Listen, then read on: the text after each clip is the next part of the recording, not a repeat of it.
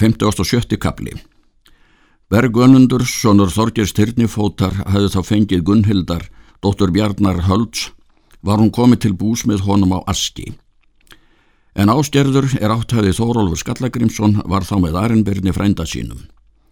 Þau Þórólfur áttu dóttur eina unga er Þórdís hétt og var mærin þar með móður sinni. Egil sagði ástjerði lát Þórólfs og bauð henni sína umsjá. Áskerður var mjög ókátt við þá sögu en svaraði vel ræðum Egils og tók lítið af öllu. Og er áleið höstið, tók Egil ógleði mikla, satt oft og draf höfðinu niður í feldsinn. Eitthvert sinn gekk Arnbjörn til hans og spurði hvað ógleði hans illi. Nú þó að þú hafur fengið skada mikinn um bróður þinn, þá er það karnmannlegt að bera það vel. Skalmaður eftir mann lifa eða hvað hveður þú nú? Lát mig nú heyra. Egil sagði að hann hefði þetta fyrir skemstu kveðið. Ókynni vensk ennis, ungru þorðag vel forðum, haugaklefs að hefja hlín þverg nýpur mínar, vergi í feldi þás foldar, faldr komur í hög skaldi, berg og neris brúna brátt miðstalli kváta. Arinbjörn spurði hver kona svo væri er hann orti mannsungum hefur þó fólkið nafn hennar í vísu þessari. Þá hvað eigil?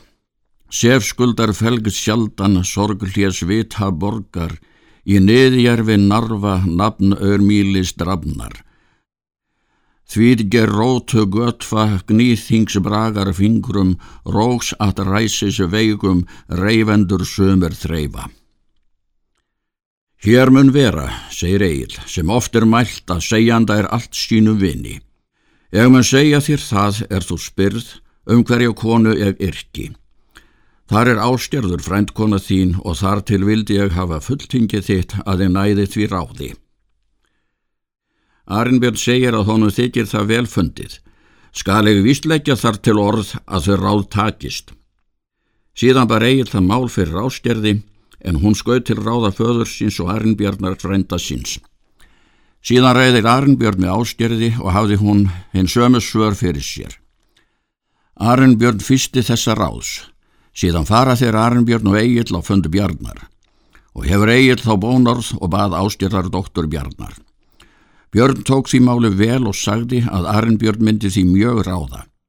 Arnbjörn fyrsti mjög og lauk því máli svo að Egil festi ástyrðar og skildi bröllöp verað Arnbjarnar en er að þeirri stefnu kemur þá var þar veistla allvegleg er eigilt kongaðist.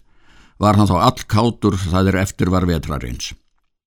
Egil bjóðum vorið kaupskip til Íslands ferðar. Réð Arinbjörn honum það að staðfestast ekki í Nóri meðan ríki Gunnhildar væri svo mikill. Því að hún er all þung til þín, segir Arinbjörn, og hefur þetta mikill um spilt er þér eyvindur fundust við Jótland og þegar Egil var búinn og byrg af þá syklar hann í haf og greittist hans ferð vel. Kemur hann um hausti til Íslands og helt til borgarfjörðar. Hann hafði þá verið auðan tólf vetur. Gerðist þá skallagrimur maður gamal, var þann þá fegin er Egil kom heim. Fór Egil til borgar að vistum og með honum þorfinnur strangi og þeir mjög margir saman. Voru þeir með skallagrimi um veturinn.